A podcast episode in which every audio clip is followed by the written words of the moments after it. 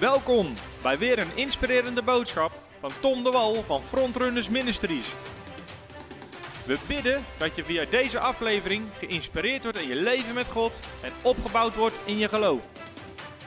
Want ik heb een heel interessant thema eigenlijk. En heeft ermee te maken dat uh, we hebben een uh, hele serie gedaan dit jaar met Voice of Faith. We behandelen uh, meestal series. We hebben het gehad dit jaar over genezing. Volgens mij hebben we dit jaar ook een serie nog gedaan over voorspoed. maar we hebben ook een hele lange serie gedaan over God's Generals of opwekkingsgeschiedenis.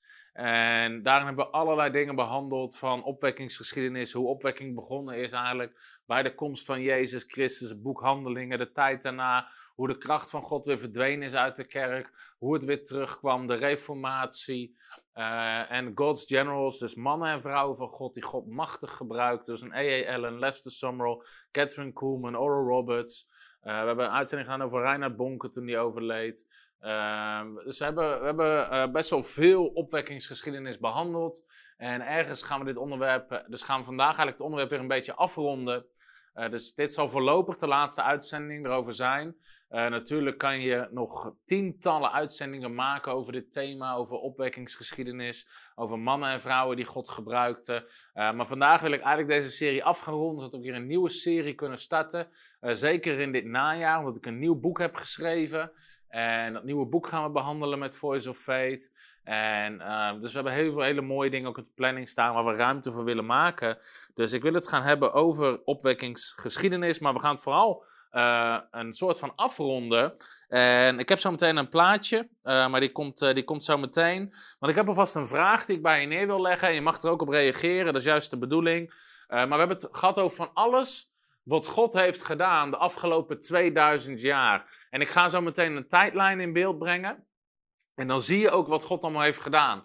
En de vraag is eigenlijk, wat staat er nu op Gods agenda? Waar is God nu mee bezig op dit moment? En ik vind dat een hele leuke vraag. Dus ook als ik lesgeef op bijbelscholen, ik word best wel vaak gevraagd om les te geven, ook over dit onderwerp, over God's Generals. En dan vaak spreek ik een hele dag over de grote wonderen van God in het verleden, de mannen en vrouwen die God gebruikte.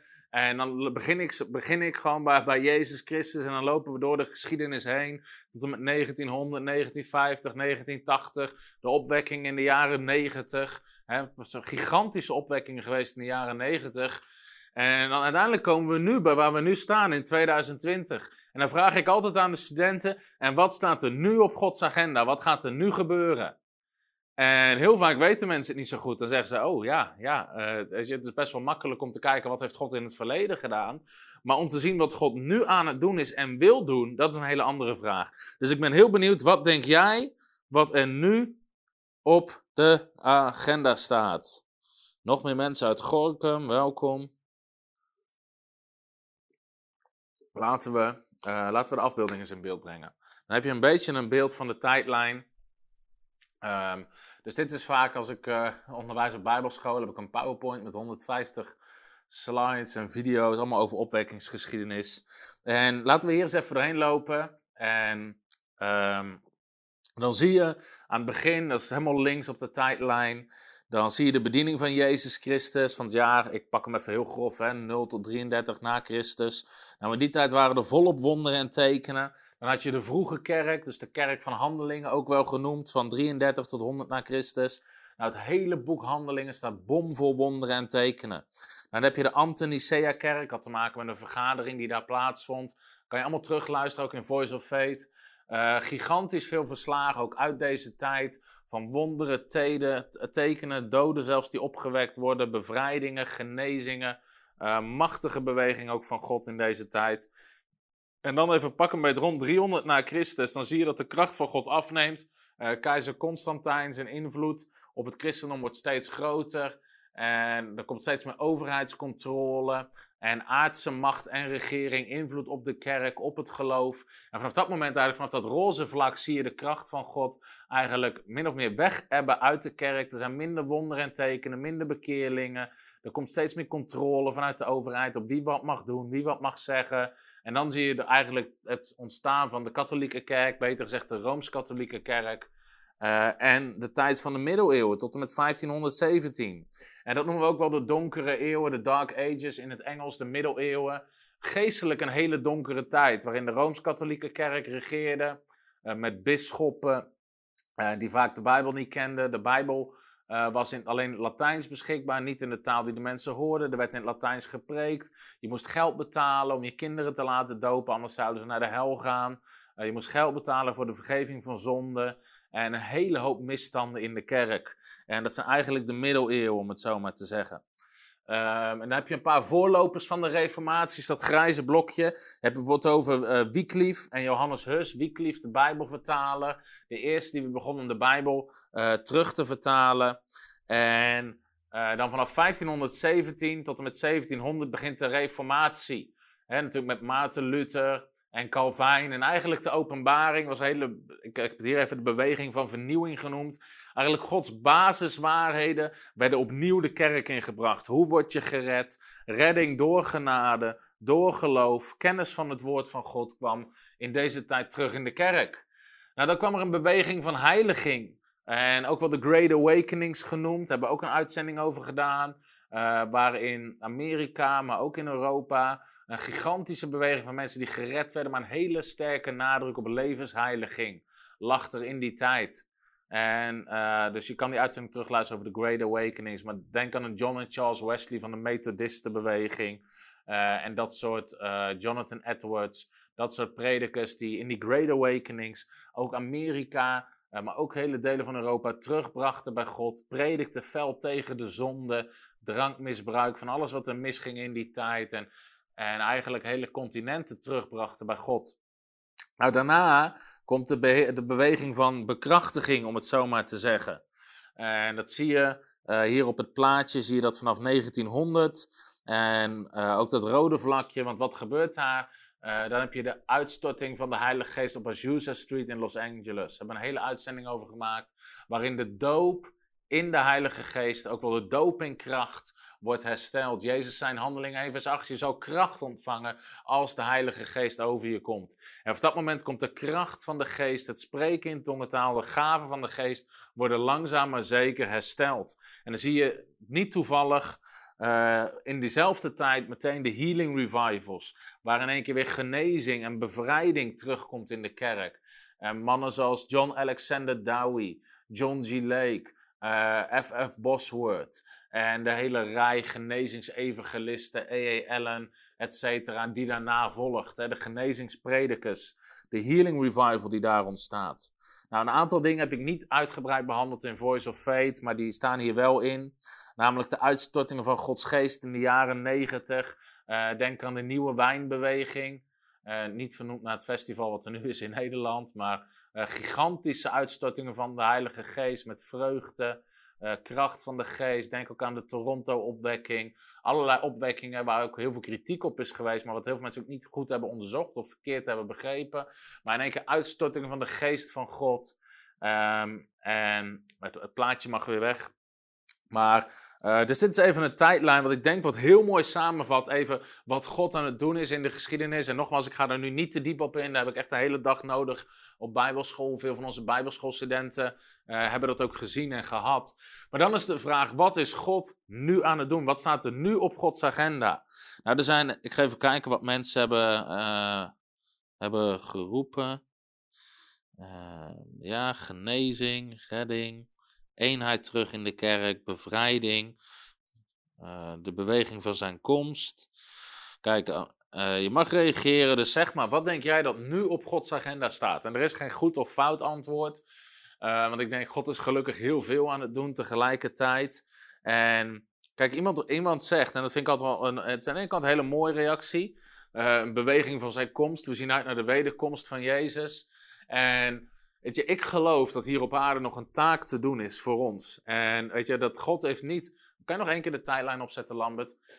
Dit is eigenlijk, dit, dit is iets wat je moet zien. Als je kijkt, uh, bij wijze van spreken van het jaar 300 tot en met het jaar uh, eh, 1500, zijn we de eerste 1500 jaar van het christendom. De laatste 500 jaar van die tijdlijn, het laatste 500 jaar, is het meeste gebeurd van allemaal. Omdat God in één keer aan het herstellen is, en dit is belangrijk om te zien. Wat gebeurt er nu? En dit is ook wat er op Gods agenda staat. God is aan het herstellen wat er verloren is gegaan. Want, en ik geloof dat daar gaan we, ga ik vanavond. God wil terug eigenlijk naar de kern van de beweging van het christendom. En dus je ziet vanaf 1517, het is aan de ene kant niet nieuw, God is gewoon aan het herstellen. Het woord van God, redding, genade, geloof, uh, heiliging, de doop in de geest. Uh, hij mag er weer af. Maar dan zie je dus dat God in de laatste 500 jaar, dat er bij wijze van meer opwekking is geweest als de duizend jaar daarvoor. En ik heb hier een aantal dingen nog niet uh, niet eens genoemd, ook niet met Voice of Fate. In het Midden-Oosten, Afrika en Azië zijn gigantisch grote opwekkingen waar miljoenen mensen gered werden. Denk aan de beweging, de beweging of de bediening van Reinhard Bonke, één evangelist die door zijn leven 80 miljoen Afrikanen bij Jezus bracht. En dat is maar één van de vele evangelisten en bewegingen die daar gaande is. Er is opwekking in China. De grootste opwekking ooit vindt op dit moment plaats in China. Naar schatting komen daar 30.000 mensen per dag tot geloof. En er zijn meer moslims tot geloof gekomen in de laatste 20 jaar dan de 1500 jaar daarvoor. Er zijn meer moslims tot geloof gekomen in de laatste 20 jaar dan in de 1500 jaar daarvoor. Dus God is echt een gigantische beweging uh, aan het doen. Uh, mee bezig. Beweging van de profeten, uh, jongeren die op zoek zijn. Ik zie mensen reageren. Zijn kerk herstellen. Inderdaad, nou wat is God aan het doen? En daar wil ik het vandaag over hebben. En daarom die interactie vind ik heel erg mooi. Nou, twee dingen voordat we daar iets dieper naar gaan kijken. Even twee dingen waarvan ik belangrijk vind dat we die leren even van de opwekkingen die we allemaal behandeld hebben in alle voorgaande Voice of Fates.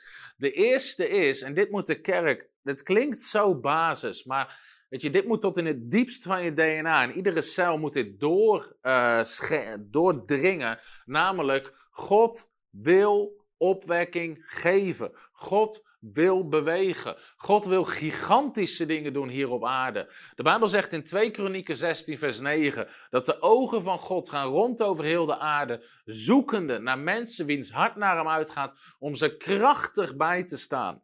Dus het feit dat je de kracht van God zag verdwijnen uit de kerk, had niks met God te maken. En er zijn mensen die hebben er allerlei religieuze uh, theorieën over. En dat noemen ze dan het cessationisme, waarin God de gave van de geest terugtrok uit de kerk. Het heeft niks met God te maken. God trok zich niet terug uit de kerk. God trok zijn handen niet af van de wereld. Het waren mensen die niet langer in het plan van God wandelden en niet langer deden wat God ze had verteld.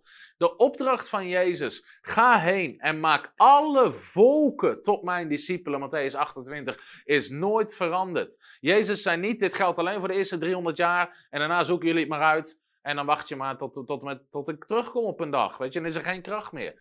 Nee, God heeft juist zijn geest uitgestort in Handelingen hoofdstuk 2. Niet om hem daarna weer terug te trekken en, en weer te wachten. Nee, God wil bewegen en bewegen en bewegen en bewegen. Hij is alleen op zoek naar mensen die willen meebewegen en meebewegen en meebewegen en meebewegen.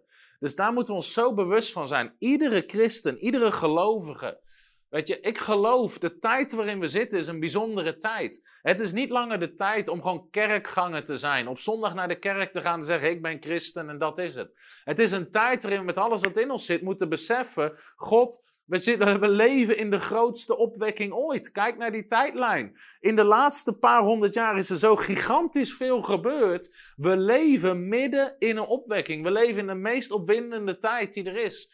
En het is Waar het klaar mee is, waar het klaar mee moet zijn, is passief christendom. Of christendom uit gewoonte of uit religie. Waar we naar terug moeten is christendom uit de kerk van handelingen. Weten dat we discipelen zijn, volgelingen van Jezus. En God wil opwekking geven, God wil bewegen, God wil hele dorpen, hele steden, hele natieën. Wil God veranderen en redden.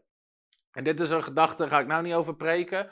Want dit is voor sommige mensen heel heftig om dit te horen, maar ik leg hem wel bij je neer. God is geïnteresseerd in meer dan alleen individuen. Gods hart gaat uit naar het individu. God houdt van de enkeling. God houdt van de eenling, om het zo maar te zeggen. Maar God heeft een groter plan dan voor alleen individuen. En ik weet dat dit heftig is voor sommige mensen. Maar Jezus zei in Matthäus 28: Maak hele volkeren tot mijn discipelen.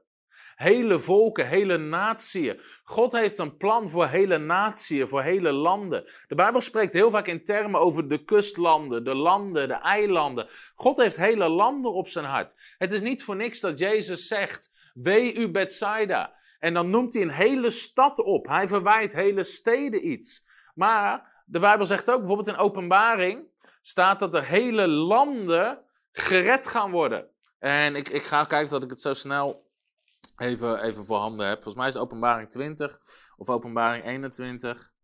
Uh, even kijken. Ik weet niet of ik het zo snel kan vinden. Maar uh, de teksten die, die spreken over hele landen die God voor zich wil plaatsen. Hele gebieden. Dus God wil iets groter doen dan ons kleine uh, denken, om het zo maar te zeggen. Dus we moeten openstaan en eigenlijk radicaal worden. Ik geloof erin dat de kerk gaat radicaal worden, gaat openstaan voor bewegingen van God. Honger, radicaliteit. Is niet voor niks dat God zegt: Ik doe een nieuw ding, zegt God. Ik doe een nieuw ding. Dus iedere christen moet open gaan staan voor een nieuwe beweging van God. Sommige mensen zeggen: Nee, we willen het houden zoals het is. Dat is nooit Gods plan om het houden zoals het is. God is altijd in beweging. God is altijd, weet je, God wil altijd vooruit. In Gods ogen er is het altijd meer om het zo maar te zeggen. En wij moeten daarbij mee bewegen. Dus we mogen beseffen met alles wat we hebben, um, God wil opwekking geven. En het tweede daaraan gekoppeld is, sta daarvoor open. Want dit is de fout die bij heel veel voorgaande opwekkingen gemaakt werd. En dit klinkt misschien basis, maar het is wel heel belangrijk. Bijna iedere beweging was tegen de beweging die na hun volgde. Omdat ze dachten, wij hebben het wiel uitgevonden, wij zijn het, wij zijn uh, volmaakt, weet ik veel wat mensen denken. Maar bijna iedere beweging van God uh, werkte de beweging na hun tegen. Dus bijvoorbeeld de katholieke kerk, de huidige, dat huidige ding, was, de Rooms-Katholieke kerk, was fel tegen uh, de reformatie. Terwijl nu zegt iedereen, ja, maar de reformatie, dat zat echt in Gods plan. Dat was de wil van God. En toch waren de mensen, de Rooms-Katholieken, die dachten, nee, wij zijn het. Dus die gingen ze tegenwerken. Maar daarna kwamen de Anabaptisten, mensen die de volwassen doop, de waterdoop geloofden. Die werden fel tegengewerkt door de mensen van de reformatie. Want zij dachten, nee hoor, wij zijn het, dit kan niet. Uh, daarna kreeg je uh, bijvoorbeeld de Pinksterbewe de, de heiligheidsbeweging was fel tegen de Pinksterbeweging van Azusa Street en de doop in de geest. Weet je, mensen noemden het van de duivel en allemaal rare dingen. Weet je, ze waren fel tegen. Uh, maar heel veel van die Pinksterbeweging waren weer tegen de charismatische beweging die daarna opstond. Of tegen de geloofsbeweging en de genezingsbeweging. Dus Weet je, de neiging is altijd van een groep om de groep eigenlijk die na hun komt, om het zo maar te zeggen, om ze tegen te werken in plaats van mee te stromen en te beseffen, wacht, er is meer van God en we moeten mee blijven bewegen met wat God aan het doen is.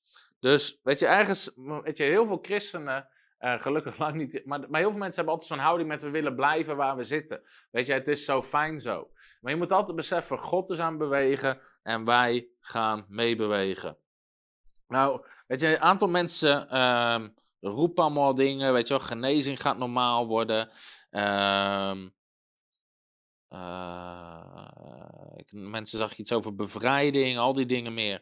Nou, ik denk dat dat heel belangrijk is. Dus wat is God nu aan het doen? Ik ga je, uh, denk twee of drie dingen geven wat ik geloof dat nu op Gods agenda staat. Nou, een van de dingen is inderdaad een vrij algemeen punt, uh, maar is uitwerking van het zaad wat gezaaid is. Heel veel bewegingen van God hebben als het ware een zaad gezaaid waarvan wij mogen leren. Dus um, weet je, er is ontwikkeling, er is progressieve openbaring, om het zo maar te zeggen. Er komt steeds meer openbaring de kerk binnen. Maar dat doet niet per se de oudere openbaring af. Dus wat, wat uh, Luther gered door genade en door geloof, wat hij neergezet, is niet afgedaan. Er is alleen meer openbaring bijgekomen. Over de doop in water, over de doop in de geest. Uh, maar ik denk, weet je, heel veel van die dingen zijn we nog steeds aan het uitwerken, om het zo maar te zeggen. Er zijn vandaag de dag miljoenen christenen die nog niet die doop in de Heilige Geest hebben ontvangen. Die nog niet die bron van kracht in hun, in in in hun leven hebben ontvangen. Er zijn miljoenen christenen die nog niet gedoopt zijn door onderdompeling in water. Weet je, heel veel van die dingen zijn een zaad geweest, wat gezaaid is in de kerk. Maar nu moeten wij het uit gaan werken. En daarom zeggen mensen ook over uh, redding. Uh, of genezing. Weet je, de genezingsevangelisten hebben ergens een zaad gezaaid. Maar nog steeds in heel veel, uh, ook bijvoorbeeld in Nederland, is voor sommige kerken. Ik heb afgelopen zondag bijvoorbeeld in een kerk gesproken. Ik was de eerste daar die het thema genezing ooit aanhaalde en een genezingsdienst deed. Dus heel veel van die dingen zijn voor sommige mensen al heel normaal geworden. Maar God wil dat dat door heel de kerk, door heel zijn lichaam op aarde. En met de kerk moet je niet denken aan een club in een gebouw, moet je denken aan zijn lichaam op aarde. Dat, eh, dat die daar bewust van worden. Van genezing. Uh, dat dat gewoon normaal wordt in iedere gemeente. Het genezen van zieken hoort normaal te worden. Ik zag dat mensen ook al reageren in de reacties. Het genezen van zieken hoort normaal te worden. Dat zaad moeten we gaan uitwerken. Wat denk je van bevrijding? Weet je, het is bijna verdrietig om te zeggen, maar er zijn zoveel mensen die last hebben van demonische machten en demonen. En ze weten gewoon geen kerk in de buurt waar ze heen kunnen omdat mensen gewoon niet weten hoe ze voor bevrijding moeten bidden. Terwijl het een basisopdracht was van Jezus. Genees zieken en drijf demonen uit. En in Marcus hoofdstuk 16 vers 17 zegt hij. De gelovigen zullen hieraan te herkennen zijn. En wat is het eerste wat hij opnoemt? In mijn naam zullen ze demonen uitdrijven. Het eerste teken wat Jezus noemde, en in veel kerken is het nergens te zien. Dus dat soort zaad is wel gezaaid in de kerk, maar we moeten ermee aan de gang gaan en, mee, en uit gaan werken. En het moet normaal worden. Uh, dus dat geldt voor genezing, bevrijding, uh, profetie, uh, de zegen van God, voorspoed. Al die dingen horen normaal te worden. genade, rechtvaardigheid. Weet je, en heel veel van die dingen, toen die doorbraken, toen die openbaring kwam, is in Nederland best wel veel daarvan afgewezen door, door heel veel christenen. Want zeiden, nou, nee, weet je, we blijven lekker bij wat we weten. En oh, nee, doe maar niet over genezing. Want stel dat er iemand niet geneest en mensen teleurgesteld raken. Weet je, maar stel dat mensen wel genezen en hun leven verandert. En ze gaan niet dood, maar ze leven en ze verkondigen de heerlijkheid van God. Weet je, mensen zijn altijd zo gefocust op het negatieve. Stel dat het niet gebeurt. Nou, wat als het wel gebeurt? Wat als wonderen nou normaal worden? Wat als mensen bij wijze van spreken van hun, van hun ziekbed opstaan en gaan, en gaan getuigen van Jezus? Weet je, we moeten leren om niet te kijken naar die negatieve dingen. De Bijbel zegt, laten we ons oog gericht houden op Jezus, de leidsman en de volleinder van ons geloof. Niet op wat er wel, niet op wat er niet gebeurt. Dus heel veel van die dingen zijn een zaad geweest, maar in Nederland zijn best wel veel van die dingen afgewezen of afgehouden voor lange tijd. Hè? Dus genezing, oeh, oeh. Nou, bevrijding vinden we nog veel spannender. En, en over voorspoed en over geld, weet je, nou, daar hoef je Oeh, daar moet je in heel veel kerken helemaal niet over beginnen. Terwijl God heeft zulke prachtige openbaringen daarover gegeven in de kerk, over zaaien en oogsten. Het principe van tiende, wat zo'n mooi principe is. Uh, al die mooie principes, alleen in heel veel kerken wordt het afgewezen vanwege de vrees voor mensen. Of ja, we zijn dat niet gewend. Maar we moeten daar open voor gaan staan en in gaan wandelen, want alleen dan gaan we de vrucht ervan dragen. Dus inderdaad, de genezing hoort het nieuwe normaal te worden, al die dingen. Um, dus ik geloof dat dat heel belangrijk is. Dat er is heel veel zaad gezaaid, maar we moeten daarmee aan de gang gaan. We moeten dat uit gaan werken. We moeten daarvoor open gaan staan. In plaats van het af te wijzen en af te houden omdat het nieuw is of onbekend of omdat het misschien een keer misgaat. Weet je, ik heb hier wel vaker over gesproken in kerken. En voor heel veel mensen is dat een, is dat een shock. Omdat we in Nederland zijn we best wel gericht soms op wat, wat als het niet lukt en wat als het misgaat. En Weet je, ik, ik, wij deden ooit bij ons in de buurt deden we een tentdienst en dan gingen we ook met andere. En dit is gewoon een simpel voorbeeld, maar we zouden met. Uh, het zou een interkerkelijke kerkdienst zijn, of een tentdienst zijn, samen met andere kerken. Dus we zaten daar in vergadering met uh, oudsten van andere kerken en oudste raden en ouderlingen en ik weet niet hoe het allemaal heet. In ieder geval, ik stelde voor, gewoon heel simpel, van, in die groep, van aan het eind van de, van, de, van de prediking, waarom doen we geen oproep voor mensen? Om hun leven aan Jezus te geven en bijvoorbeeld om te bidden voor de zieken. En meteen was er een van die ouderlingen van een andere gemeente die zei: Dat gaan we niet doen. Dat hebben we drie jaar terug ooit één keer gedaan. Toen reageerde er niemand en nu doen we het nooit meer. En, en iedereen stemde daarmee in en dat was het. Dus mensen kregen geen kans om hun leven aan de Heer te geven. Geen kans om voor zich te laten bidden uh, voor de nood waar ze in zaten. Omdat ze ooit een keer een oproep hadden gedaan waar niemand op reageerde. Weet je, soms blijven mensen zo makkelijk in hun in hun pijn zitten, in plaats van dat ze, uh, dat ze vooruit gaan en, en leren hoe iets werkt en ermee aan de gang gaan, om het zo maar te zeggen. Dus heel veel van die dingen zijn een zaad geweest, maar wij moeten dat verder, uh, verder uit gaan werken. Uh, en uh, dus in heel veel kerken, heel veel gemeentes, kunnen we daar nog zoveel verder in groeien en zoveel verder mee aan de gang gaan. Je zit even meteen te kijken naar uh, reacties. Oké, dus ik geloof dat dat is één van de dingen die God aan het doen is. Maar dit is een hele belangrijke. Wat is God aan het doen? Wat staat er nu op Gods agenda? Ik geloof dat het hiermee te maken heeft. En ik ga wel wat triggeren en wat schudden. En de meeste van jullie zijn het wel van mij gewend, dus uh, dat is prima. En dat is altijd lekker in mijn eigen uitzending Voice of Fate.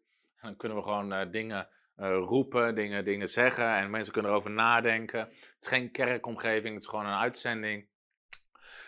Ik geloof wat God aan het doen is. God is, en, en dit is wat ik ervaar in mijn geest. God wil een krachtige kerk. En ik ga daar iets over zeggen met punt 2 en 3. God wil weer dat zijn kerk, en ik denk dat ik ze ga combineren vanavond. God wil weer dat zijn kerk gigantisch krachtig wordt. En ik geloof, om het zo maar te zeggen, dat God wil weer dat model wat er was in handelingen, wil God terugbrengen naar vandaag de dag. Want als je nadenkt, je moet eens oprecht nadenken over de kerk van handelingen. En ik wil je uitdagen om de komende tijd, ga het boek Handelingen lezen. Lees het bij wijze van spreken hardop. En ik heb een aantal vragen voor je. Hoe kon de kerk van Handelingen zo gigantisch snel groeien en invloed uitoefenen? In een omgeving waar christenen, waar het christendom verboden was, christenen zwaar vervolgd werden, ze maatschappelijk totaal niet geaccepteerd werden, uh, ze hadden geen gebouwen, al die dingen hadden ze niet. En toch, op de eerste dag, op de Pinksterdag, komen er 3000 tot geloof. En dan hoofdstuk na hoofdstuk staat er Menigtes werden toegevoegd. Er werden er vele toegevoegd. En mensen werden toegevoegd en toegevoegd en toegevoegd. En de kracht van God was zo sterk dat de schaduw van Petrus genaste zieken. Handelingen hoofdstuk 5. En ze worden verspreid door de vervolging. En overal waar ze komen prediken de gelovigen, het evangelie. Ontstaan kerken, ontstaan huisgemeentes. En het christendom, te midden in een vijandige omgeving, verspreidt zich zo gigantisch snel dat hele gebieden Hele, hele werelddelen werden overspoeld met het evangelie. Het is zelfs zo dat de apostel Paulus op een gegeven moment schrijft: Ik ben op zoek naar nieuwe gebieden om het evangelie te prediken. In andere woorden, man, hij, zat na te denken: waar moet ik eigenlijk heen? Want het verspreidde zich zo razendsnel. Handelingen hoofdstuk 19. In twee jaar hoorde heel Azië van het evangelie. Weet je, meer dan een miljoen mensen daar hoorden het evangelie. In twee jaar dat Paulus daar was. Het christendom groeide Bijna explosief, om het zo maar te zeggen. Explosief. Het is niet voor niks dat Jezus vergelijkt. Dit is heel interessant. En dit zijn echt dingen om op te mediteren. Waarmee vergelijkt Jezus het koninkrijk en de gelovigen? Hij vergelijkt het nooit met iets wat, uh, wat, iets wat heel lang duurt. Hij zegt: Jullie zijn het licht van de wereld. Heb je wel eens nagedacht over de snelheid van licht en de felheid van licht? Dus Jezus zegt dat moet overal doorheen schijnen en gaat zich razendsnel verspreiden. Jezus vergelijkt het met zuurdeeg. In Matthäus hoofdstuk 13, vers 32 zegt hij: Het koninkrijk van God zal zijn als zuurdezen, wat het hele dezen doorzuurt. Wat overal invloed gaat krijgen. Hij omschrijft, hij vergelijkt het met een boom, wat de grootste wordt van allemaal. Jezus vergelijkt het met zout. Weet je, al die dingen, Jezus gebruikt al die gelijkenissen op de gelovigen, op de gemeente, op het koninkrijk, om te laten zien dat wat hij wil doen op aarde is zo gigantisch krachtig, is zo gigantisch, eh, gaat zich zo gigantisch snel verspreiden. Nou, de invloed die de kerk had in het boek Handelingen, waar is die invloed nu? Waar is die? Weet je, wat, wat is er, bij spreken, en weet je, ik hou van de kerk, ik hou van een lokale kerk. Bijna iedere zondag, wij, mijn vrouw en ik, wij zijn aangesloten bij een lokale kerk. Iedereen van ons hele kantoorteam zit ergens aangesloten in een lokale kerk. We moedigen dat aan. Ik geloof dat dat goed is. Ik spreek iedere zondag bijna in een lokale kerk, ergens anders. Maar ik geloof wel dat die lokale kerk iets kan leren om terug te gaan naar het boek Handelingen. Te kijken, wat was het model daar? Hoe kon het zo gigantisch krachtig zijn dat er duizenden en duizenden en tienduizenden mensen tot de Heer kwamen? Paulus liep een nieuwe stad binnen en binnen een paar dagen wist iedereen dat hij er was. Was er of opwekking of opschudding, één van de twee en vaak allebei. Weet je, ergens zijn we, zijn we dat kwijtgeraakt. Die kracht, die passie, die beweging die daar was. En God wil zijn kerk terugbrengen daar naartoe. Dat is wat ik geloof met mijn hele hart. De kerk die Jezus bouwt, en ik loop nou heel ver voor van tevoren. Ik ben gewoon aan het prediken, ik ben helemaal aantekeningen, ben ik helemaal achter me gelaten. De kerk die Jezus bouwt, dit is interessant. Überhaupt, Jezus noemt het woord kerk maar twee of drie keer. Dat is wel iets om over na te denken. Je zou denken dat Jezus had het honderden keer over de kerk. Nee, hij noemt maar twee of drie keer het woord kerk. Dat is heel interessant. En weet je, ik, ik drop gewoon sommige dingen bij om over na te denken. Maar dit zegt Jezus in Matthäus hoofdstuk 16. En ik hoor graag of dat dit goed is en of dat dit je helpt. Want ik merk dat ik heel mijn aantekeningen kwijt ben en gewoon in de fik sta en aan het preken ben. Matthäus hoofdstuk 16. Kun je die camera hierboven? Matthäus hoofdstuk 16.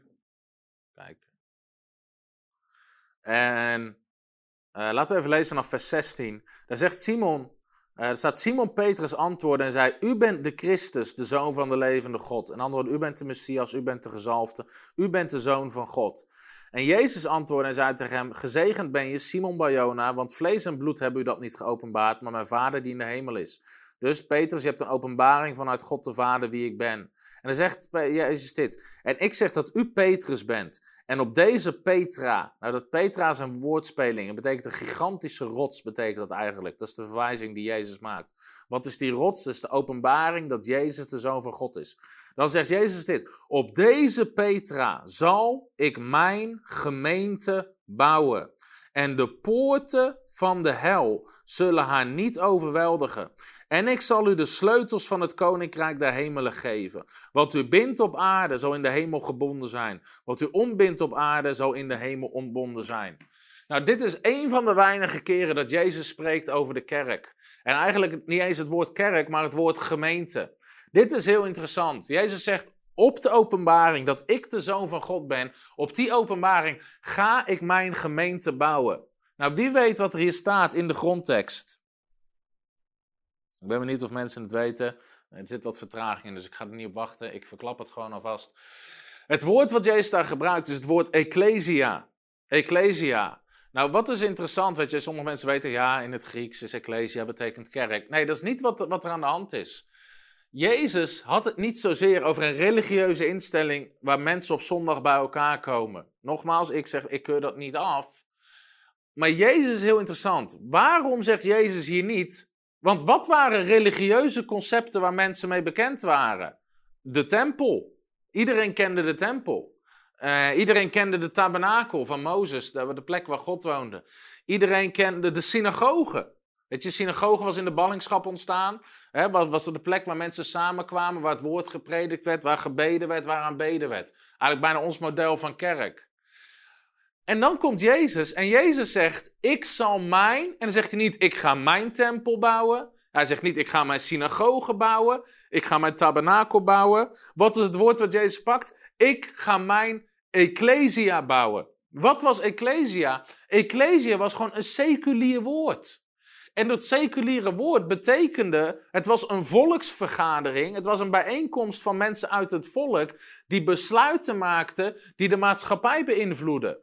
Dus Jezus, van alle woorden die hij kon kiezen, pakte hij geen religieus woord of een godsdienstig woord. Hij pakte een seculier woord om het ergens mee te vergelijken. De Ecclesia was een groep mensen in die tijd die bij elkaar kwam. Zij maakten besluiten over hoe het zou gaan in de maatschappij. Zij bespraken problemen die er waren. Het was de volksvergadering die de problemen in de maatschappij op zou lossen. Dat, is, dat was de Ecclesia. En dan zegt Jezus, Kom op mensen, dit is echt goed. Dan zegt Jezus, ik ga mijn ecclesia bouwen. Ik ga een groep mensen vormen op deze aarde die de problemen van de maatschappij op gaan lossen. Zij zijn het zout der aarde. Zij zijn het licht van de wereld. Als mensen naar jou kijken, zien ze Gods oplossing van problemen in deze wereld. Mensen die vastzitten in zonde zullen eruit getrokken worden. Aan armen wordt het evangelie gepreekt en Gods principes. Zieken zullen genezen. Mensen die gebonden zitten aan demonen gaan bevrijd worden. Mensen die depressief zijn, gevangenen gaan we vrijzetten. Jezus zegt, ik ga mijn ecclesia, een groep die midden in de maatschappij staat. Niet die bij elkaar komt op zondagochtend en daar lekker zit. Nee, Jezus zegt, ik ga mijn ecclesia bouwen.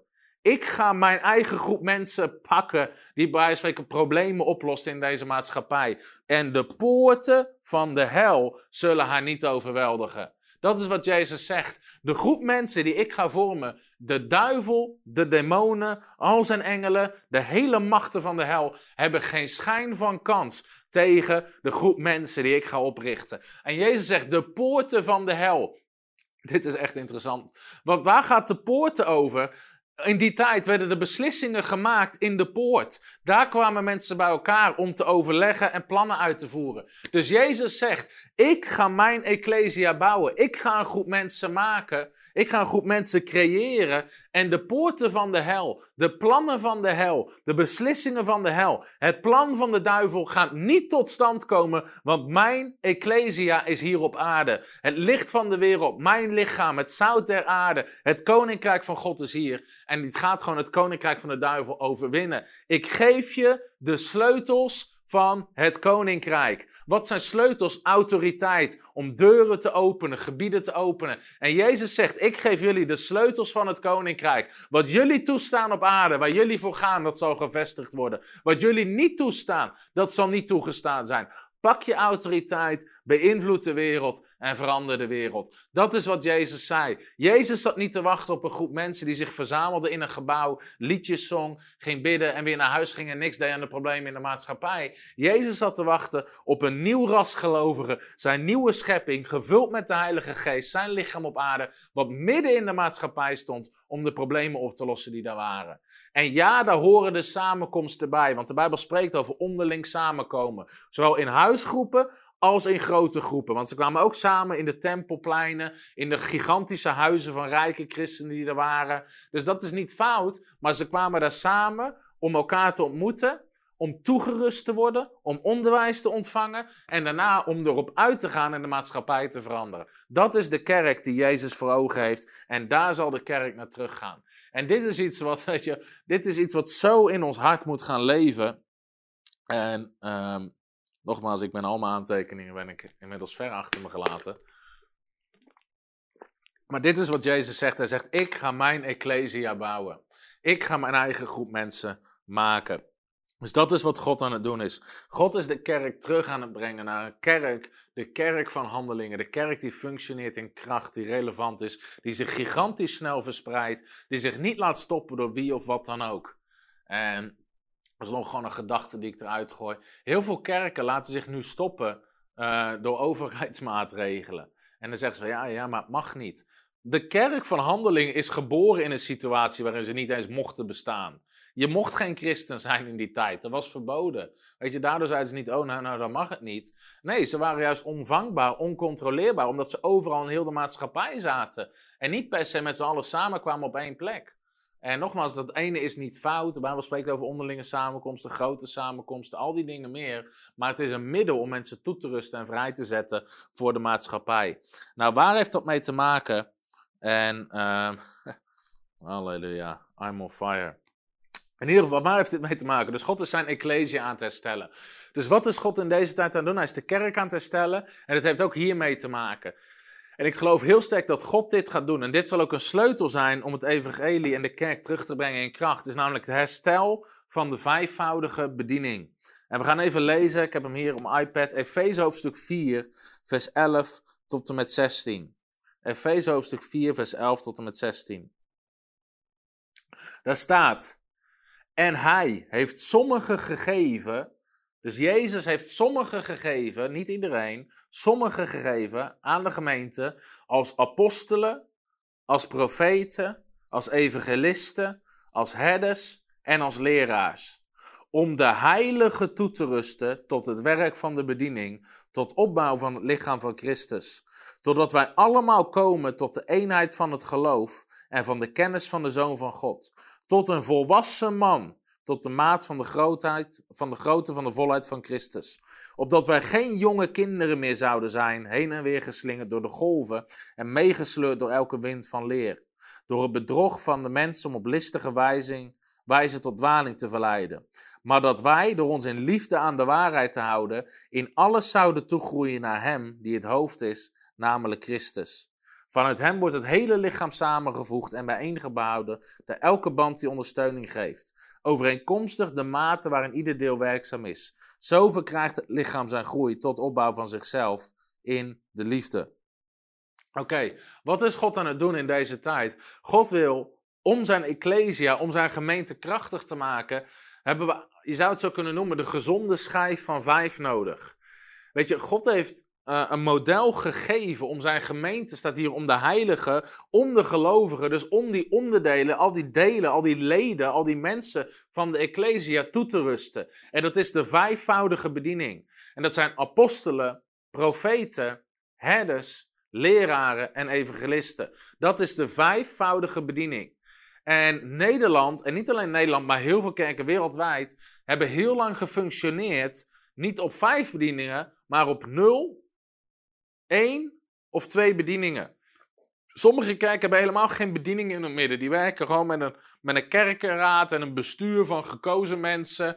Maar een bediening een, een, persoon die een bediening met zich draagt, die persoon is die bediening. Jezus zegt, hij heeft sommigen gegeven als profeet, de leraar aan zijn gemeente. Dus die persoon is de bediening, is de gave van God aan het lichaam. Dus iemand op zichzelf is een gave van God aan het lichaam. Om Derek Prins te citeren. Derek Prins zei: Als ze mij op de kop in de hoek zetten, pak ik mijn Bijbel en begin ik te onderwijzen. In andere woorden, hij is een leraar. Dat is tot het diepst van zijn wezels wie hij was. En de gave van God aan het lichaam. Nou, de kerk heeft voornamelijk gefunctioneerd tot nu toe op pastorale of herderlijke bedieningen. En die hebben een plek in het lichaam. Maar dit is misschien schokkend. Het, ze hebben niet de eerste of de hoogste plek. En in Nederland zijn we geneigd om te denken: ja, maar iedereen is gelijk.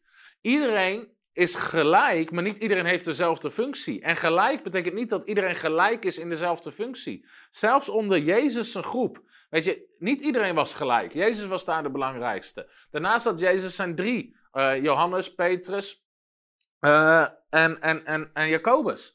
En daarnaast had hij zijn negen.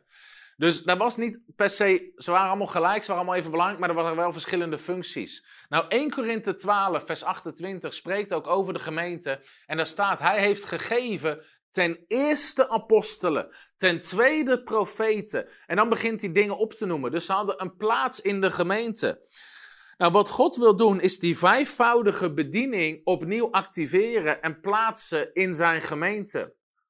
Dat in de kerk in Nederland, en ik ga het nou ook even toespitsen specifiek op Nederland, vijfvoudige bediening gaat functioneren. Apostelen, profeten, herders, leraren en evangelisten. En dat ze alle vijf hun plek in gaan nemen en niet maar één of twee van de vijf. Nou, wat zijn die taken van die bedieningen? Het gevaar van een herderlijke bediening. En nogmaals, iedere bediening heeft zijn, uh, zijn kracht en maar vaak is je kracht is ook je zwakte. Als je alleen maar uh, alles wat je te extreem doet, bij wijze van spreken, is niet goed. En um, om maar even, heel even simpel, laten we even het voorbeeld pakken van een evangelist. Een evangelist is gigantisch belangrijk. Nieuwe mensen bereiken, mensen moeten tot geloof komen, zielen winnen, zielen winnen, zielen winnen, zielen winnen. Dat is vaak het DNA van een evangelist. Is dat belangrijk? Ja. Is dat gigantisch belangrijk? Ja. Want mensen moeten gered worden. Maar er is ook een andere kant. De zielen die gewonnen, moeten, gewonnen worden, daar moet een stuk uh, zorg, herderlijke zorg en discipelschap bij komen kijken. Dan komt die herderlijke bediening. En als alleen maar een evangelist uh, zou functioneren, bij spreken, in een gemeente, of iedereen zou evangelist zijn, zou niet gezond zijn. Daarom zegt Paulus in 1 Korinthe 12, we hebben allemaal onze plek in het lichaam. En weet je, wat heeft het voor nut, zegt hij, als ze allemaal de gaven van genezing zouden hebben, of ze zouden allemaal apostel zijn, of ze zouden allemaal leraar zijn. Nee, je hebt al die gaven nodig. Maar Nederland heeft heel erg gefunctioneerd op een herderlijk model. Met een herderlijk, uh, een, een, pastoraal model. En uh, wat is de kracht van die herderlijke bediening? Is veiligheid bieden, en mensen beschermen en mensen verzorgen, om het zo maar te zeggen. Dat is ook wat een herder doet met zijn schapen. Die wijdt die schapen, die voedt die schapen, die zorgt voor die schapen. Die herder wil gewoon dat zijn schapen het fijn hebben. Dat die schapen veilig zijn. Is dat belangrijk? Ja, dat heeft zijn plek. Maar het gevolg is, omdat dat vaak het enige is geweest in Nederland, is dat we groepen hebben gecreëerd kerken hebben gecreëerd, gemeenten hebben gecreëerd die enorm op zichzelf gericht zijn. We willen het fijn hebben, we willen het veilig hebben. Uh, weet je wel, pas op voor de buitenwereld, want er zijn misschien wolven. Terwijl wat zegt Jezus? Ik zend u te midden van de wolven. Dus Jezus was niet bang om risico te nemen en gevaarlijke gebieden in te nemen. Nou, als je alleen een herderlijke bediening hebt die een gemeente leidt, zullen alle besluiten zijn op veiligheid, weinig risico, het moet fijn zijn. En ergens heeft dat zijn plek, want als een evangelist het zou leiden, weet je, dan raken mensen vermoeid en er is geen zorg voor mensen, dus alles heeft zijn plek. En dus dat is belangrijk om te beseffen. Maar God wil die vijfvoudige bediening. Nou, wat is de kern eigenlijk? De Bijbel zegt ten eerste apostelen. Apostelen staan de, als hoogste in rang, om het zo maar even te zeggen. Die hebben ten eerste apostelen. En ik heb hier niet de tijd om hier heel diep op in te gaan. Maar wat is de bediening van een apostel? Uh, apostelen, Jezus zond zijn apostelen uit om nieuwe gebieden te bereiken en gemeentes te stichten en uh, orde op zaken te stellen in gemeentes, andere bedieningen weer aan te stellen en oudsten aan te stellen. En dat was voornamelijk de taak van apostelen. Ze gingen naar een nieuw gebied toe, uh, ze breken nieuwe gebieden open. En ze zijn ook vaak de eerste, en daarom kan je het ook vergelijken. Misschien heb je die vergelijking wel eens gehoord, maar de vijfvoudige bediening kan je vergelijken met de hand. En de apostel is de duim. De apostel is waarschijnlijk het stevigste, het sterkste. Maar de apostel is vaak degene die nieuwe gebieden openbreekt, die nieuwe werken start, die nieuwe kerken start, die nieuwe bedieningen start, die ze vrijzet. De apostel kan vaak functioneren in alle vijf die gaves omdat ze dat nodig hebben, omdat ze vaak de eerste zijn die ergens aan beginnen. Dus ook de apostel Paulus bijvoorbeeld, die kon, uh, die kon in alle vijf die gaves, en dat is ook de duim, die kan alle andere vingers kan die aanraken. Dus mensen die functioneren als apostel kunnen vaak uh, functioneren als evangelist, zielen winnen. Ze kunnen uh, zorg bieden, ze kunnen mensen discipelen. Uh, ze, kunnen, ze kunnen vaak functioneren als profeet, ze kunnen God horen. ze kunnen onderwijs geven, zijn vaak onderwijsbedieningen. Ze kunnen in al die vijftien gaven stappen, net naar wat er nodig is om iets te vestigen en gedaan te krijgen. En dat kunnen vaak, die andere bedieningen kunnen dat minder sterk. maar apostelen breken nieuwe gebieden open. Uh, kunnen in andere gaven functioneren, stichten nieuwe gemeentes, bouwen de cultuur van Gods koninkrijk. En uh, de Bijbel zegt in Efeze 2, vers 20 dat apostelen en profeten zijn de fundamentbedieningen. Uh, de gemeente wordt gebouwd op het fundament van apostelen en profeten. Nou, ik geloof niet per se, het kan wel goed zijn, maar niet iedere gemeente hoeft intern geleid worden door een apostel. Maar er moet ergens een apostel zijn die een gemeente aanvuurt, zodat een gemeente niet alleen op zichzelf gericht blijft. Maar dat een apostel die begint ergens, die begint ergens visie te spreken, nieuwe gebieden te bereiken. Ik geloof dat iedere kerk is geroepen om andere kerken te stichten. Waarom? Dat is het model van handelingen. De kerk bleef niet op zichzelf. Ze stichten een nieuwe groep. En een nieuwe groep. En een nieuwe groep. En een nieuwe groep. En ze doorspekten de hele maatschappij. Weet je, dit, is een, dit, is, dit heeft iemand een keer mij verteld, maar, en dat heeft me wel tot nadenken gezet. Iedere kerk heeft een leeftijd. Iedere kerk wordt op een dag geboren, maar ook iedere kerk sterft op een dag. Gewoon, ik bedoel gewoon een lokale kerk. Weet je, je zou nu naar plekken toe kunnen gaan waar ooit die gemeente zat, of waar ooit die gemeente zat, of waar ooit die gemeente zat. Nou, Weet je, maar wanneer leeft zoiets voort als het, als het kinderen krijgt? Ook als een kerk kinderen krijgt en zich voortplant en nieuwe kerken start. En nieuwe kerken start. En nieuwe kerken start. Weet je, en daarom is zo'n apostel goed die uh, iets wakker schudt van... joh, het gaat er niet om dat we hier het fijn hebben nu met een paar honderd mensen... Maar waarom verzamel je geen 25 mensen? Train je ze en ga je daar een kerk starten. En ga je daar een kerk starten. En ga je daar een werk starten. En misschien ga je daar een wijkcentrum starten. Weet je? En ik wil zelfs het, gewoon het kerkconcept deels loslaten van een gebouw. Om mensen heen te krijgen. Start een wijkcentrum. Start een buurtcentrum. Start een centrum voor armoedehulp. Wat dan ook. Maar wees relevant in de maatschappij. En een apostel zorgt ervoor dat gemeentes niet op zichzelf gericht zijn, maar gericht zijn op de groei van het koninkrijk van God.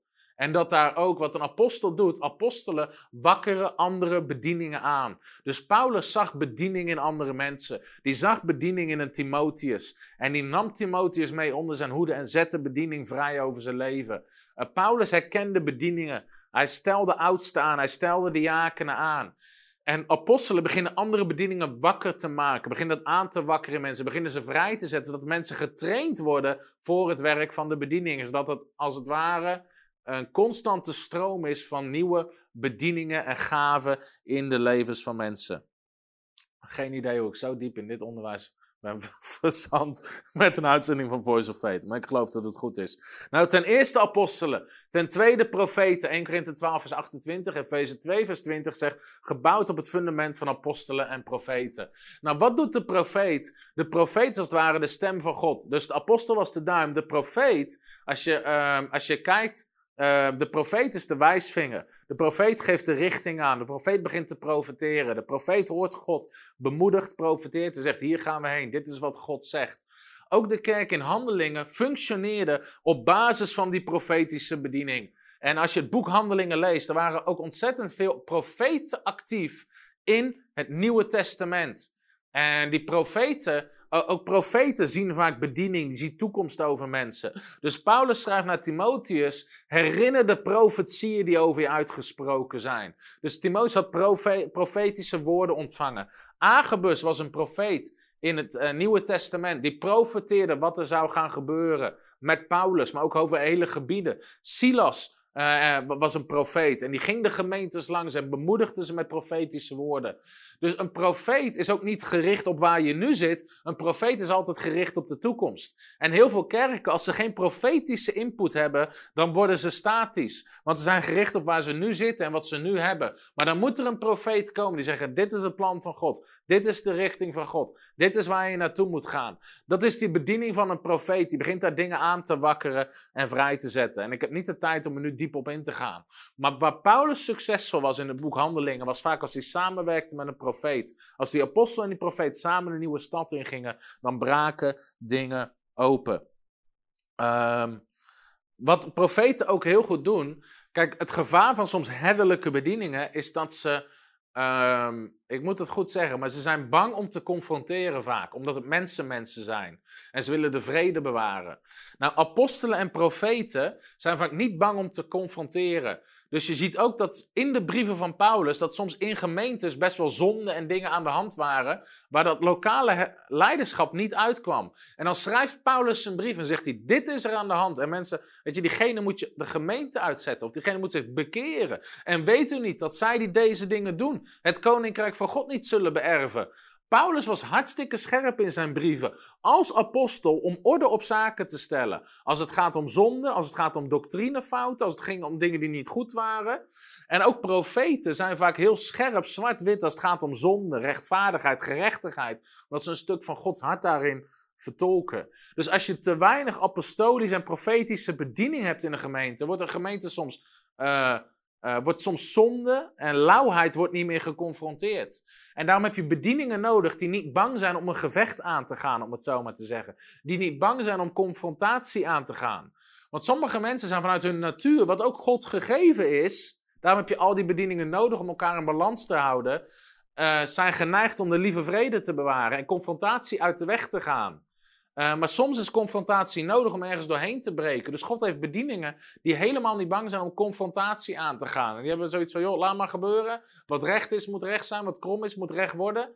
Uh, wat lauw is, moet, weet je, moet aangesproken worden. En die zijn daar niet bang voor. Dat is een gave ook van God om dat in de kerk te hebben. Um, dus dan hebben we de profeet. Nou, wat je dan hebt, is de evangelist. En als je het vergelijkt met, de, met je hand, is de evangelist uh, is je middelvinger en die reikt het verst. Dus een evangelist heeft altijd een hart om uit te reiken naar nieuwe gebieden, nieuwe mensen, zielen winnen, zielen winnen, zielen winnen. En ik geloof ook dat dat iets is wat God terug wil brengen in zijn kerk. Gewoon het gigantische besef. We zitten te midden van een verloren wereld en mensen moeten gered worden. En evangelisten beginnen dat aan te spreken. Nou, um, evangelisten hebben eh, ze hebben ook de taak om anderen te trainen om zielen te winnen. Maar ik geloof dat God ook die evangelist weer nog veel krachtiger terug wil brengen. Weet je, vaak evangelisten maken anderen zenuwachtig. Echte evangelisten maken anderen zenuwachtig. Weet je, je denkt altijd dat je te weinig voor Jezus hebt gedaan als je praat met een evangelist. Want die heeft vandaag, weet je, ik, heb, ik zag net al in de reacties, een typische evangelist. Ik heb vandaag al zoveel mensen gebeden en zieken genezen. En over Jezus verteld, weet je. En andere mensen denken, goeiedag. Weet je wel, ben ik, ben ik wel gered, zou je bijna denken. Maar die dat is de taak van evangelist. Die hoort ergens iets te confronteren. Die, die draagt die last van een gebroken, uh, gebroken en verloren wereld in zich. En die heeft zo'n hart van God om mensen te winnen. En wat er heel vaak gebeurt is in Nederland dat evangelisten uit de lokale kerken weggaan omdat er geen ruimte is voor die gaven. Want ze maken iedereen zenuwachtig en, ongemakkelijk en doe maar rustig aan. Weet je wel, terwijl die evangelist ziet, rustig aan, rustig aan, de hele wereld is verloren. Weet je, wij spreken, hoepel op met je rustig aan, we gaan erop uit, we gaan zielen winnen. En als je dan een herder hebt die zo'n gemeente leidt, zal die zeggen, rustig, rustig, mijn schapen zijn er helemaal niet klaar voor, het moet veilig en wat nou... Weet je, en die gaat dat aftemperen en uiteindelijk de evangelist is toch niet te houden, want er brandt als vuur in zijn botten en die gaat zijn, zijn hel ergens anders zoeken. En die gaat gewoon los vaak van een gemeente functioneren en mensen tot de Heer leiden. Nou, eigenlijk heb je dan een profeet nodig en een apostel nodig. Die zeggen inderdaad, we hebben die evangelist nodig. Dat je dat nieuwe gebied heeft de Heer op ons hart gelegd. Dat gaan we innemen. We sturen die evangelist erheen. Namens de gemeente. En nogmaals, ik geloof niet, het hoeft niet altijd namens een gemeente.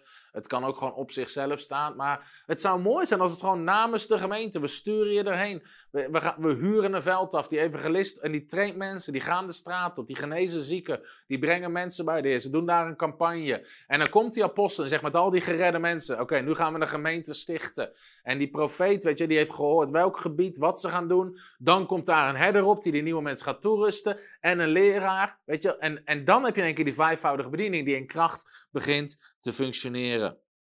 Uh, de herder hebben we het al over gehad. De herder is de, is de ringvinger. Uh, en uh, de ring, ring staat natuurlijk voor het verbond, voor trouw, in een huwelijksverbond en ook voor zorg, relatie. Weet je, en dat is de kant van de van de leraar, of van, van de herder. En dan heb je nog de leraar. En dat zijn de herder en de leraar zijn de bedieningen waar we redelijk bekend mee zijn in Nederland. Maar wat nog, ook nog veel sterker terug mag komen. En ja, ik ben nou toch heel veel dingen aan het zeggen waar mensen over na kunnen denken. Dus ik ga er nog iets zeggen over de herder. Het Bijbelse model is niet pastoraat. Ik zie nergens dat Paulus, Petrus of lokale mensen pastoraat geven. Weet je, kom maar hier en dan praten we erover. Het Bijbelse model was discipelschap meelopen met mensen en gewoon on the road leren en bezig gaan. En discipelschap is vermenigvuldigen. En dus God wil veel meer terug naar een model van discipelschap in plaats van pastoraat. Dus de herderlijke bediening verzorgt mensen, want mensen in discipelschap brengen. Maar dat is weer een hele andere preek. Ik heb nou echt 30 preken in één preek ben ik aan het gooien. Uh, maar die leraar, die leraarbediening is de pink. En dan zeggen ze, die reikt het verste het oor binnen. Dus het onderwijs van de leraar gaat het diepste, gaat het verste, zitten vaak de diepste openbaringen in. Je hebt die leraar nodig om te onderbouwen wat de apostelen en de profeten en de evangelisten en de herders neerleggen. Die kunnen goed fundament van doctrine bouwen, kunnen de doctrine gezond houden, uh, kunnen mensen voeden vanuit het woord. Maar al die bedieningen heb je samen nodig. En dit is het leuke. Die bedieningen kunnen elkaar hartstikke zenuwachtig maken. Dus die bediening moet echt leren samen te werken, ook in een lokale gemeente. Want anders krijg je zo'n situatie waarin de profeet zegt, ja, maar God zegt dit. En de, en de herder zegt, doe nou maar rustig, doe nou maar rustig. Weet je, we moeten eerst moeten voor de schapen zorgen. De, je, de Bijbel zegt ook zorg voor de kudde. En dan zegt de evangelist, nee, Jezus zegt, weet je, ga erop uit en red de verloren wereld. Mensen zijn verloren. En dan roept de leraar, nee, moet eerst het woord in. Mijn, mijn discipelen maar kennen mijn woord. Zij die in het woord blijven, dat zijn de discipelen. Weet je, en al, die, en al die dingen beginnen daar tegelijk te functioneren en beginnen dingen te gebeuren. Dus ze moeten leren om samen te werken en samen krachtig te zijn in het koninkrijk van God. Dus ik geloof... Uh, ik geloof heel erg dat God dit wil doen, ook in Nederland. Dat we teruggaan naar een model van Ecclesia. Een krachtige kerk, een kracht van autoriteit, waarin de vijfvoudige bediening functioneert. Waarin we die leren te erkennen en te herkennen. Wat zijn de bedieningen? Weet je, dat er in Nederland gewoon, ook gewoon herders op gaan staan. Dat herderlijke zorg niet als een soort uh, over je bol model, maar als een discipelschapmodel waar mensen getraind worden en daarna weer anderen gaan helpen. Ehm, dat, mensen niet blijven hangen in hun verwondheid, maar genezen en krachtig worden. Uh, dat we in Nederland dus herders gaan krijgen op vijfvoudig bedieningsniveau. Dat we leraren gaan krijgen op vijfvoudig bedieningsniveau. Ik geloof dat we er naartoe gaan dat er met gezag onderwezen wordt, om het zo maar te zeggen. Weet je, ik heb wel eens mensen die hebben gezegd tegen mij van ja, ja, je moet anders spreken. Want jij zegt altijd zo zit het. Maar je moet zeggen misschien is het zo, maar ik weet het niet zeker. Weet je, hoezo zou ik het niet zeker weten? Ik heb gelezen dat het er staat. Weet je, we zijn gewend aan van ja, misschien is het zo, maar misschien ook niet. En ik weet ook niet zeker of dat ik gelijk heb. Weet je, sommige dingen, als ik niet zeker weet of ik gelijk heb, bijvoorbeeld met zo'n, eh, als mensen mijn onderwijs hebben gekeken over demonie en bevrijding, waar komen demonen vandaan? Zeg ik gewoon, dit is een mogelijke theorie, dit is een mogelijke theorie. Ik denk dat het deze is vanwege deze en deze redenen, maar uiteindelijk maakt het niet uit. De opdracht is drijf demonen uit. Weet je, als de Bijbel niet ergens kraakhelder over is, weet je, dan, dan is het soms goed om daar voorzichtigheid in te nemen. Maar als het gaat om andere dingen zoals geloof, genezing, bevrijding, doop in de geest, uh, de krachtige kerk, al dat soort dingen, moet gewoon zeggen, zo zit het. Dit is wat er geschreven staat, dit is Gods model. Dus we hebben leraren nodig op vijfvoudige bedieningsniveau, die sterk onderwijs neerzetten over genezing. Dit is waar het vaak misgaat. En ik zeg dit met heel veel respect. Maar bijvoorbeeld herders die onderwijs willen geven over een onderwerp wat eigenlijk aan de krachtkant zit, zoals genezing en geloof. En die herders kunnen daar niet goed mee over onderweg, want die denken van ja, maar weet je, dit zorgt voor onrust in mijn gemeente en wat nou als. Dus die gaan het onderwerp in hun onderwijs afzwakken. Ja, maar nou, God wil nou eenmaal niet iedereen genezen. Dus gaan eigenlijk de fout in qua doctrine om rust te bewaren in de gemeente. In plaats van dat ze zeggen, wacht, we hebben hier blijkbaar een apostel of een leraar in die het goed neerzet Ondanks dat we het misschien nu nog niet zien of niet snappen, maar dat hebben we nodig om naar een hoger niveau getild te worden. Krijg je er ook gratis bij. Uh, leraren op vijfvoudig bedieningsniveau. Evangelisten op vijfvoudig bedieningsniveau.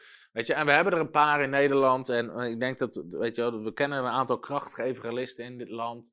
Uh, ik, vind, ik vind evangelist Jan Zijlstra daar een schitterend voorbeeld van. Van een evangelist die al tientallen jaren door ons land heen trekt. Schouwburgen, sporthallen, uh, van alles en nog wat afhuurt. Zieken geneest, demonen uitdrijft. Altijd een oproep doet voor mensen om tot Jezus te komen. En duizenden en duizenden mensen door het hele land zijn tot de Heer gekomen.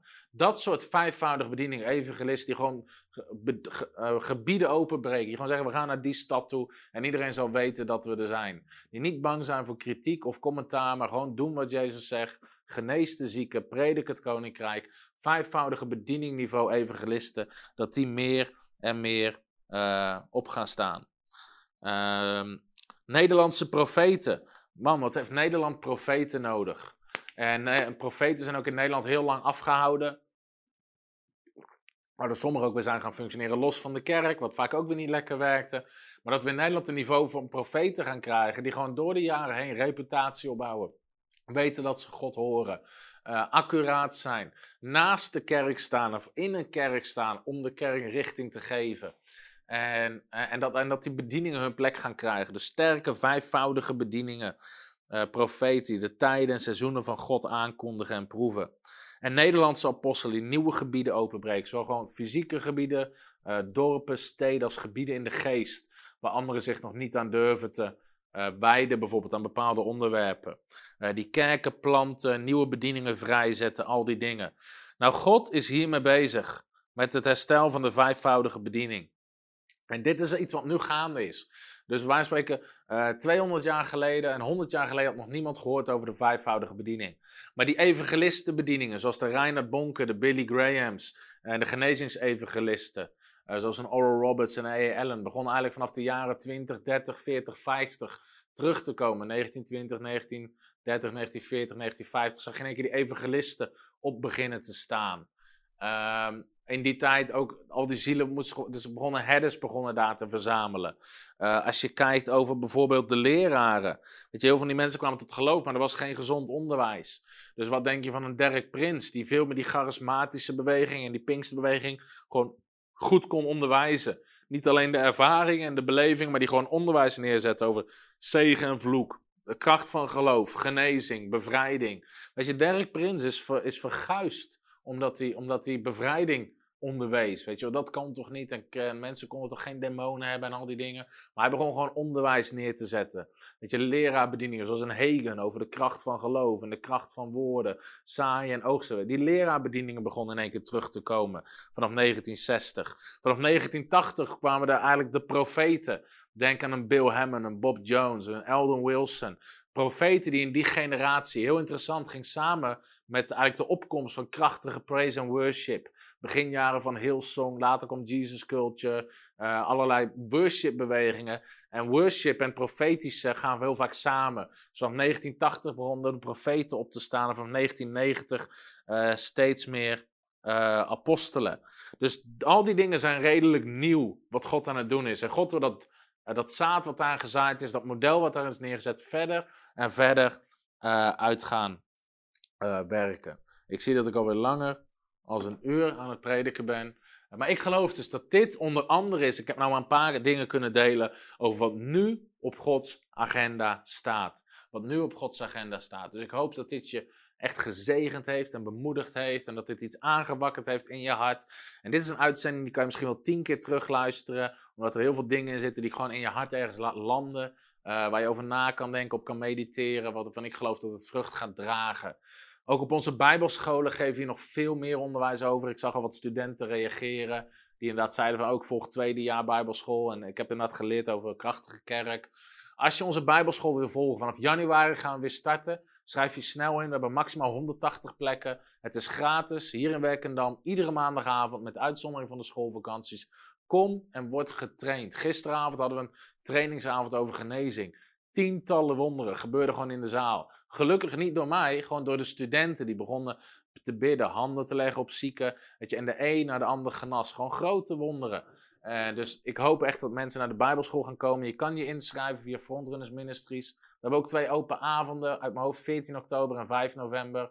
Uh, kan je ook vinden via onze Instagram of Facebook account. Even zoeken uh, en dan vind je het. Dus ik wil je van harte uitnodigen om naar onze Bijbelschool te komen.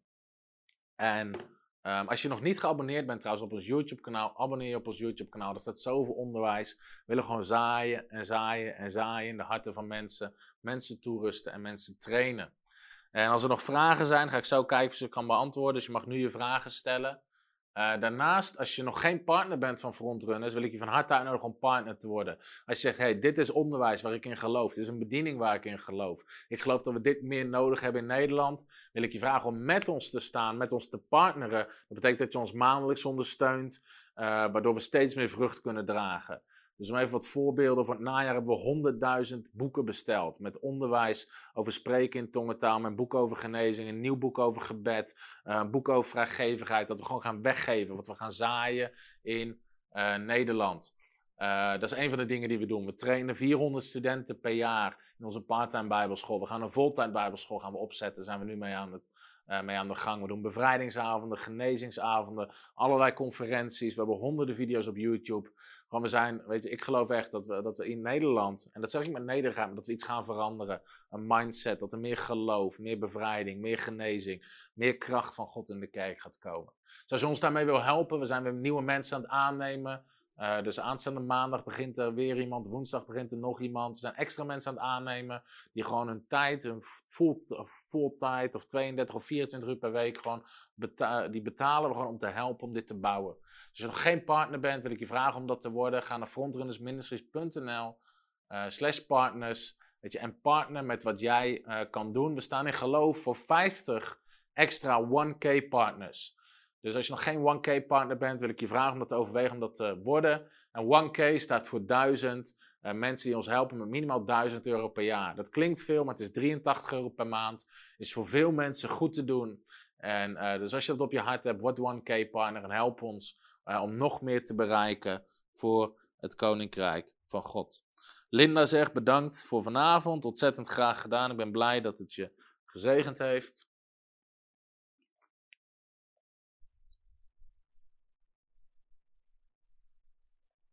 En ik zie verder dat er niet echt vragen zijn. Heb je dat boekenproject nog? Of hebben we dat. Uh...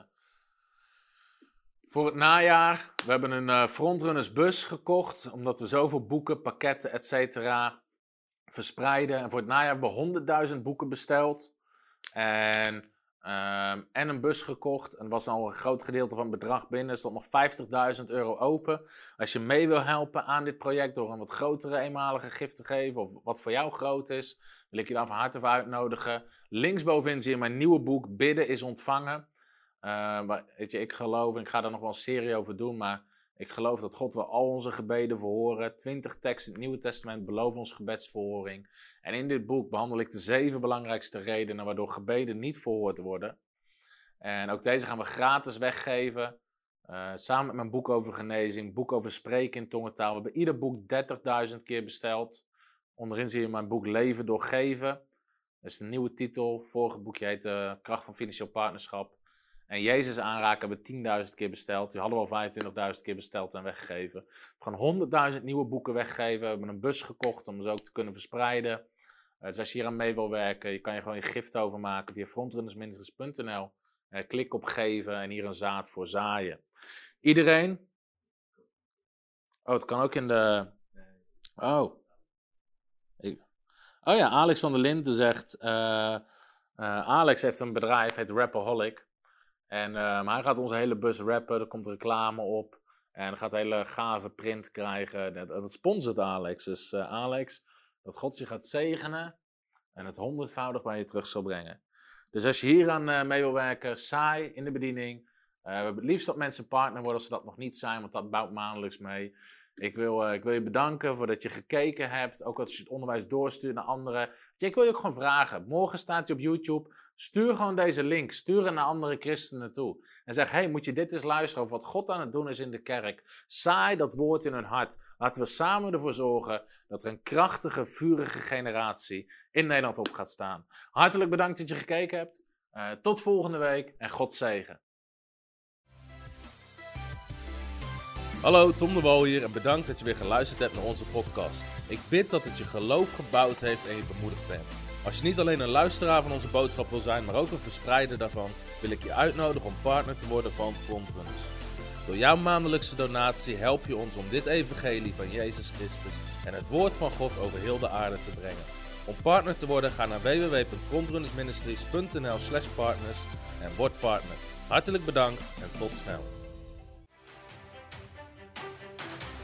Heb je ook zo genoten van deze inspirerende boodschap van Tom de Wal? Abonneer je dan op deze podcast.